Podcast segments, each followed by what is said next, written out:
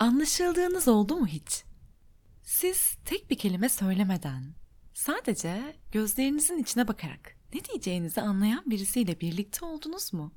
Peki ya anlaşılmadığınız, anlaşılmadığınız için suskunlaştığınız, içe döndüğünüz, belki öfkelendiğiniz, kendinizi hırpaladığınız, beni duy diye çığlıklar attığınız. Neydi bu anlaşılma ihtiyacı? İnsan gerçekten bir başkası tarafından anlaşılabilir miydi?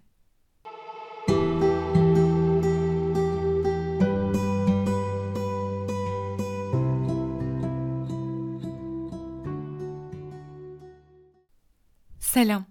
Ben Büşra. Bunu biraz açar mısın podcast'inin 26. bölümüne hoş geldin. Bugün bu bölümü çekerken dışarıda çok yağmurlu ve karanlık bir hava var. Şu an akşam 6 civarı.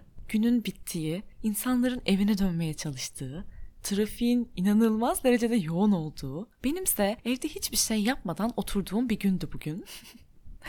Böyle havalarda gerçekten canım hiçbir şey yapmak istemiyor. Ama yine de tembelliğime karşı koydum ve dedim ki Büşra kalk ve anlaşılma ihtiyacını karşılayabilmek için bu bölümü çek. Evet, bugün başlıktan da gördüğünüz gibi anlaşılma ihtiyacından bahsedeceğim size. Anlaşılma meselesi üzerine uzun zamandır düşünüyordum gerçekten ve konuya da kendi hikayemi anlatarak başlamak istiyorum. Çocukken arkadaşlarımla oynamayı sevdiğim kadar tek başıma oynamaktan da keyif alırdım ben. Ve bu oyunlar tek kişilik bir tiyatro misali hep beni izleyen birilerini barındırırdı içinde. Ya bir öğretmen olurdum, öğrencilerim beni dinlerdi. Ya bir şarkıcı olurdum ve dinleyicilerim çılgınca bana eşlik ederdi. Ya da bir tiyatrocu olurdum ve seyirciler beni izlerdi. Ortak noktanın birileri tarafından görülmek, anlaşılmak ihtiyacı olduğunu bugünkü mesleğim olan psikolojik danışmanlığı okurken fark ettim. Mesleğimden çok keyif alsam da insanları dinleyen, onların hayatlarını izleyen yine bendim. Kendinizde bir şeyi bir defa fark ettiğinizde artık onu fark etmemiş halinizle aynı olamıyorsunuz. Bir şey yapmalıydım ve yapacağım o şeyle artık insanlar beni dinlemeli, anlamalı ve belki de görmeliydi. İşte benim podcast maceram böyle başladı. Şimdi hadi biraz çocukluğumuza inelim demeyeceğim. Ama biraz oraları hatırlatmak istiyorum size. Bebekken dünyanın merkezinde kendimizin olduğunu düşünen 50 santimlik narsistler olduğumuzu söylesem. Hatta narsizmimizin boyumuzdan çok daha büyük olduğunu. Tabii şimdi narsizm kelimesini duyunca hemen alerjik tepkiler gösterecekleriniz vardır. Biliyorum ama kötü bir şeyden bahsetmiyorum. Sakin olun. Henüz kendimizi ağlamak dışında ifade edeceğimiz bir yolu bilmezken ve ağlamak bakım verenlerimiz için bir yardım alarmı her şey çok güzeldi değil mi? Acıkıp ağlıyorsunuz ve hemen annenizin memesi imdadınıza yetişiyor. Belki gaz sancısı çekiyorsunuz, hemen karnınıza sıcacık battaniyeler koyuluyor, masajlar yapılıyor. Kendimizi hayatın merkezinde görmemiz ne kadar normal değil mi? İşte bebekken ağladığımızda ihtiyaçlarımızın karşılanmasına, anlaşılmasına öyle alışıyoruz ki büyüyüp yetişkin olduğumuzda da bazen kendimizi hiç ifade etmeden anlaşılmayı bekliyoruz. Evet, bebekken kendimizi ağlayarak ifade ediyorduk mecburen. Kendimizi anlatmanın tek yolu buydu çünkü. Peki ya yetişkinliğimizde? Kelimeleri ne kadar kullanıyoruz? Kendimizi anlatmak için hangi sözcükleri kullanıyoruz sıklıkla? Bilmiyorum diyoruz mesela zorlandığımızda. Bilmiyorum sözcüğü benim çok fazla içimi kaşıyor arkadaşlar. Öğrencilerimle yaptığım bireysel görüşmelerde tam kritik cevabı alacağım, onun bir şeyi fark etmesini sağlayacak soruyu sorduğum anlarda hep bilmiyorum cevabını duyuyorum. Buna direnç diyoruz. Fark etmeye ya da duymaya, söylemeye hazır olmadığı anlamına geliyor. Ben bunu biliyorum ama yine de bu sözcüğün içimi kaşımasına engel olamıyorum. Arkadaşlarım da bir problemlerini anlattıklarında bazen ya da sıklıkla psikolojik danışman kimliğime bürünüyorum. E böyle olunca orada da benzer bir şey yaşıyorum. Tam kritik anlarda bilmiyorum cevabını duyuyorum hep. İşte günlük hayatımızda kullandığımız sözcüklerde bazen kendimizi kendimize açmaktan bile korktuğumuzu görüyorum. Bu hafta okuduğum Cehenneme Övgü kitabında Gündüz Vasaf sözcüklere bakış açımı daha da farklılaştırdı. Kitapta sözcüklerin iletişimi kolaylaştırmak için yarattığımız yapay kurgular olduğunu söylüyor. Aynı zamanda sözcüklerin her şeyi basit kavram ve kalıplara indirgediğini de eleştiriyor. sözcüklerin duygulara bile yön verdiğini, duygularınsa sözcüklere sadece yardımcı olarak kullanıldığını söylüyor. Mesela aşkta seni seviyorum sözcüğünün bakıştan, temastan, kokudan, aşkı ifade eden diğer şeylerden daha önemli hale geldiğini söylüyor. Buna siz de çok kez şahit olmuşsunuzdur. Bana bir kere bile güzel söz söylemedin diye hayıflanan insanların sesini. Hatırladınız değil mi? Evet, bazen duymak isteriz. Bu çok normal bir ihtiyaç. Ama ilişki içinde yapılan diğer sevgi davranışlarını görmezden gelip sadece duymaya odaklıysak burada bir durup düşünmek gerekiyor. Kelimeler bu kadar önemli mi diye. Mesela aşkın karşılığı olan hiçbir sözcük olmasaydı o zaman aşk olmayacak mıydı yani? Aşk duyulmayacak mıydı o zaman? Aşk sözden önce de vardı değil mi? Yani kelimelere, kendi ifadelerimize tutsak olmamalıyız. Dil dediğimiz şey de, kelimeler de anlaşılmak için var. Sadece ifade ederek değil, dokunarak, beden dilimizi kullanarak da anlatmaya çalışırız kendimizi. Hatta şarkılarla, şiirlerle, masallarla, yani sanatla anlatmayı tek bir boyuta indirgememeliyiz bence. Bazen bir kitap ya da film karakterinin bizdeki yeri bambaşka olur. Bazen de bir şarkının. Onunla bir bağ kurarız. Çünkü o bizi anlamıştır. İşte ben de tam bunu söylüyordum dedirtmiştir bize. Neyi neden yaptığımızı, ne hissettiğimizi, en önemlisi de bunlar karşısında yalnız olmadığımızı hissettirmiştir bize. Anlamıştır yani. Ne diyorduk? Bebekken ağlar, anlaşılmayı bekleriz. Yetişkin olduğumuzda da bu değişmez. Anlaşılmak gerçekten önemli bir ihtiyacımız. Fakat ne yazık ki hayatta hiçbir zaman yüzde yüz anlaşılmışlık mümkün değil. Hatta bazen kendimizi uzun uzun ifade etsek bile. Peki anlaşılmadığımız bir dünyada var olabilir miyiz gerçekten? Kendimizi anlamadığımız bir dünyada var olduğumuzu hissedebilir miyiz? Anlaşılmak ve görülmek bize var olduğumuzu hissettirir. Şu an burada beni dinleyerek varoluşumu anlamlandırdığın için teşekkür ederim sana. Anlaşılma isteğinin altına gizlenmiş bir görülme ihtiyacı var aslında. Bölümü çekmeden önce podcast'in Instagram sayfası üzerinden size ne olduğunda anlaşılmış hissedersiniz diye sordum. Bu arada dipnot beni hala Instagram'dan takip etmiyorsan açıklamalar kısmına bıraktığım linke tıklayarak takip edebilirsin. Spotify'dan da takip etmeyi, arkadaşlarına önermeyi de unutma lütfen. Evet, kendi reklamımı yaptıktan sonra bölüme geri dönelim. Ne diyorduk? Size sorduğum bu soru üzerine en çok gelen cevap göz teması kurulduğunda karşımdaki gözlerimin içine bakarak beni dinlediğinde anlaşılmış hissederimdi. Farkında mısınız? Görülmek istiyoruz. Anlaşıldığımızı görmek, varlığımızın kabul gördüğünü fark etmek, onaylanmak, aynalanmak istiyoruz.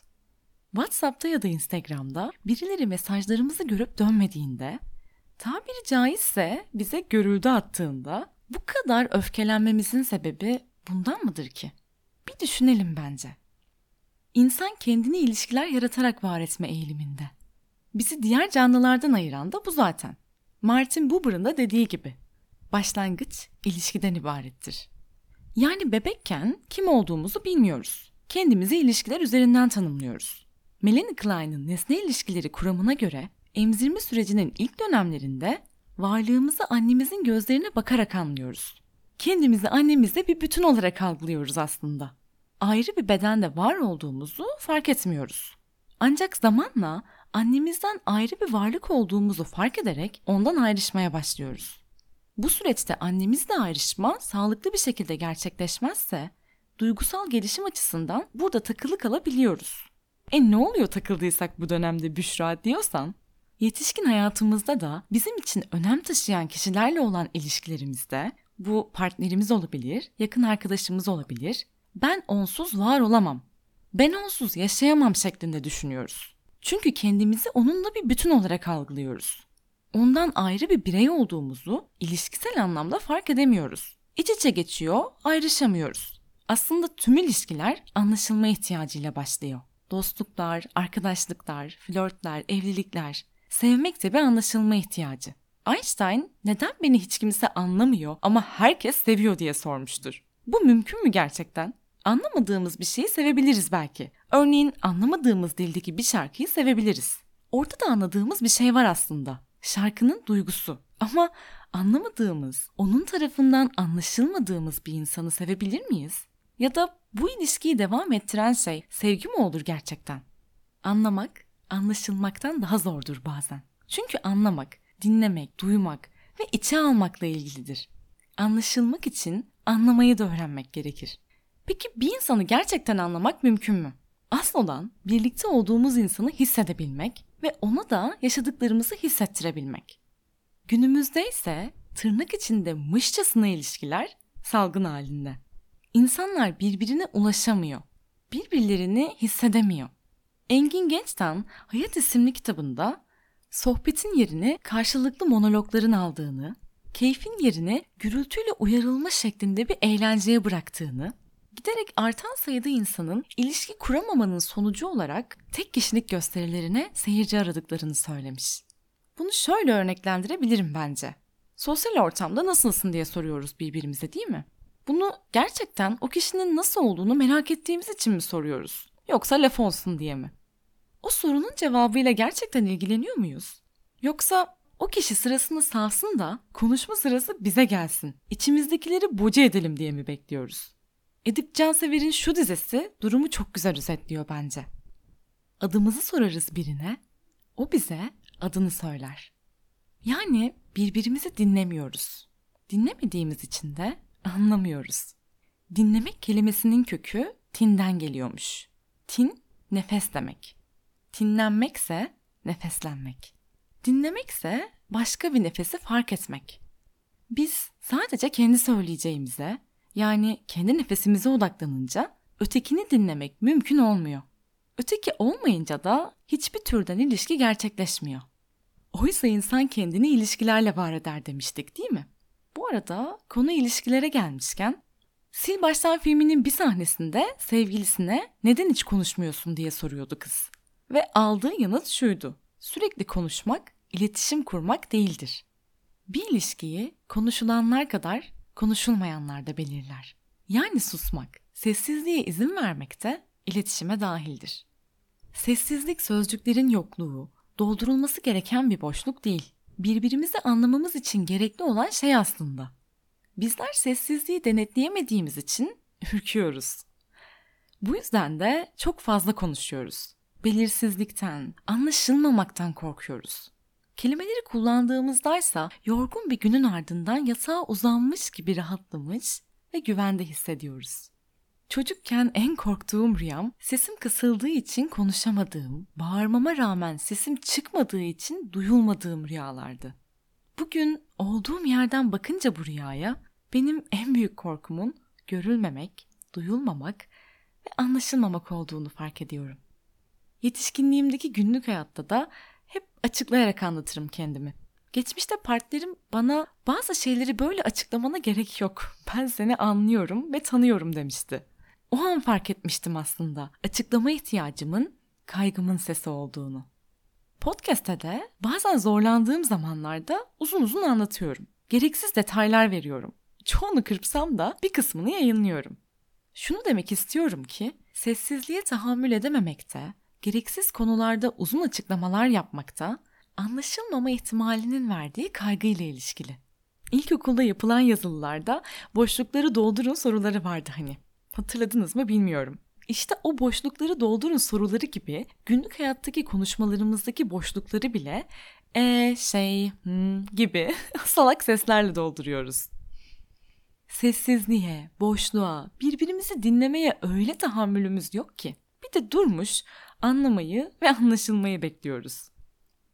Peki burada bir örnek vermek istiyorum size. O yüzden bir şey soracağım şimdi. Daha önce John Cage'in 4 dakika 33 saniye isimli eserini duydunuz mu? Linkini açıklamalar kısmında sizinle paylaşacağım. Ama bir dakika bölümden çıkmayın. Bölüm bittikten sonra dinleyerek bunu deneyimleyebilirsiniz. John Cage, müzikte her sese ve sessizliğe eşit ağırlık verilmesini savunan ve bu düşünceden hareketle 4 dakika 33 saniye isimli eseri ortaya çıkaran birisi. 1952 yılında bir konserde piyanoda David Tudor'la bu parçayı dinleyiciye sunmuş.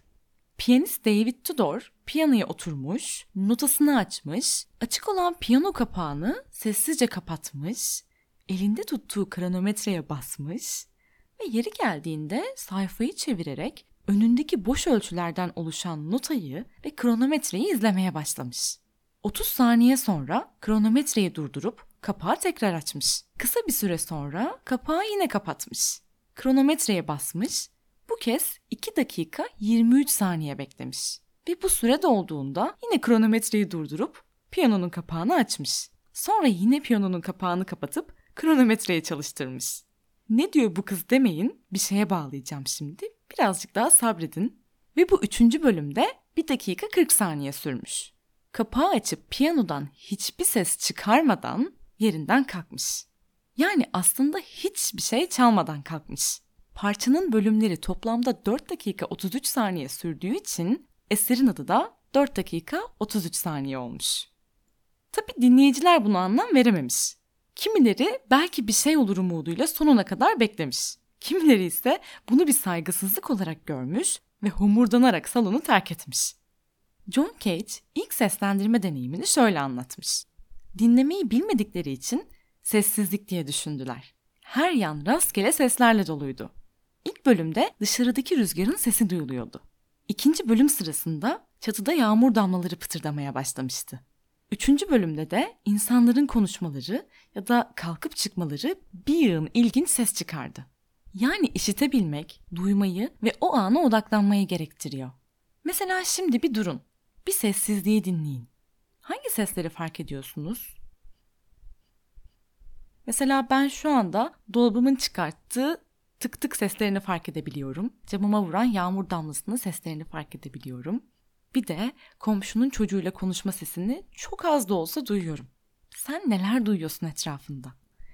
Sessizlik dediğimiz şey çok boyutlu aslında. Beş duyumuzla algıladıklarımızın bir toplamı. Tabii biz sessizliğin içindeki sesi duyabilmeye gönüllü olabilirsek. İşte kendimizi tanımak için de bazen dış sesleri susturmalı ve içe odaklanmalıyız. Anlaşılabilmek için önce kendimiz kendimizi anlamalıyız. Söylemiş olduğumuz bilmiyorum ifadesinin altına gizlenmiş. Aslında bildiğimiz ama bastırdığımız şeyleri gün yüzüne çıkarmalıyız. Buna kendimden de bir örnek vermek istiyorum. Her sabah işe giderken metroya kadar yürüdüğüm yaklaşık 15 dakikalık bir yol var. Bölümlerime ilham olan düşüncelerin aklıma geldiği bu yoldan daha önce de bahsetmiştim size.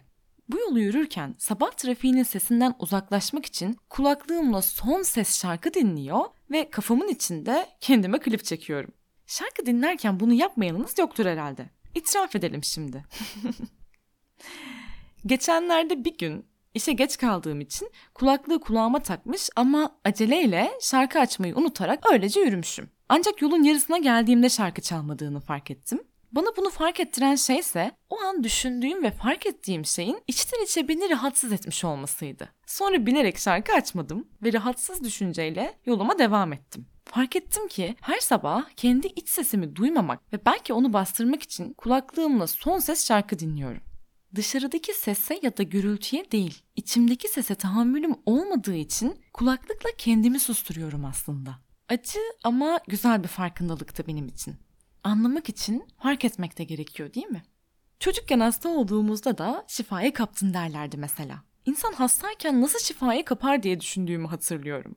Meğer eskiler çok şükür şifa buldu anlamında şifayı kaptı derlermiş. Ateşin yükselmesi vücudun hastalıkla mücadele edebildiği anlamına gelirmiş. Öksürük, burun akıntısı gibi semptomlar beyne uzanan solunum yollarını temizlermiş. Yani hastalıklarımızın bize ne söylemek istediklerini duyabilirsek, içlerinde şifayı barındırdıklarını da görebiliriz. Hemen ilaca koşup semptomu susturup uyuşturmaktansa önce onu bir konuşturalım. Önce bir kendimizi, ihtiyaçlarımızı duyalım. Joseph Campbell'ın da dediği gibi, girmekten korktuğumuz mağara aradığımız hazineyi barındırır. Yani anlaşılmak için anlatıyoruz kendimizi. Ben burada anlaşılma ihtiyacımı karşılamak için bulunuyorum bir yandan da. Bu öyle bir ihtiyaç ki karşılanmadığında ızdırap çekiyoruz aslında. Kabul edilebilmek, reddedilmemek, yalnız hissetmemek, bir gruba ait olmak için de anlaşılmak istiyoruz. Beni olduğum halimle gör. Yanında kendim olabilmemi sağla. Hoşuna gitmese de beni tüm yönlerimle sev. Bunları demek istiyoruz karşımızdakine. Çocukken bakım verenlerimiz bizi dinlememiş olabilir. Bir şey anlatırken yüzümüze bakılmamış, suçsuz olduğumuz bir konuda dinlenilmeden ceza verilmiş, aç değilken zorla yemek yedirilmiş, canımız yandığı için ağlarken susturulmuş. Uğradığımız haksızlıklar sonucunda kendimizi savunmaya fırsat verilmemiş olabilir. İşte bunlar yetişkin hayatımızda da kendimi ifade edemiyorum, anlaşılmıyorum hissini de beraberinde getirir. Bir takipçim Instagram'daki soru çıkartmasına şöyle yazmıştı. Kendimi güzel ifade edemiyorum. Anlaşılmamam normal. Bu ses ona mı ait sizce? Yoksa geçmişten getirdiği bir ses mi bunu söyleyen? Kendini güzel ifade etmek ne ki zaten? Hem kendini ifade edemeyen birisi bir soru çıkartmasına cevap verebilir miydi? İşte bizler geçmişten getirdiğimiz, aslında bize ait olmayan sesleri kendimizin sanıyor ve o sesin söylediklerine inanmaya başlıyoruz. Kendimizle sohbet ederken bile her söylediğimizi olduğu gibi kabul etmemek gerek. Bir dakika, ben bu düşünceyi ilk nerede öğrendim? Bu duygu bana ilk nerede, kim tarafından hissettirildi diye sormak gerek. Son olaraksa ben söylemesem de o beni anlasın düşüncesinin doğru olmadığını söylemek istiyorum. Biz bile çoğu şeyi neden yaptığımızı bilmezken karşımızdakinin söylemeden bizi anlamasını bekleyemeyiz. Bazen de ne kadar anlatsak da kendimizi karşımızdaki bizi anlamayabilir. Onun anlayacağı şekilde anlattık mı buna bakmak gerek. İlkokul öğrencisine trigonometri anlatsak anlamaz değil mi? Onun gibi işte. Her şeye rağmen anlaşılmıyorsak da zorlamamak gerek. Bazen ilişkiyi, bazen de o ilişkideki kendimizi. Bu bölüm sonunda size Türkçe'ye Can Yücel'in çevirdiği bir şiirle veda etmek istiyorum. Bir sonraki bölüme kadar anlaşılmadığınız yerden anlaşılabilmeniz ümidiyle. İyi bakın kendinize. En uzak mesafe ne Afrika'dır, ne Çin, ne Hindistan. Ne seyyareler, ne yıldızlar geceleri ışıldayan. En uzak mesafe iki kapı arasındaki mesafedir, birbirini anlamayan.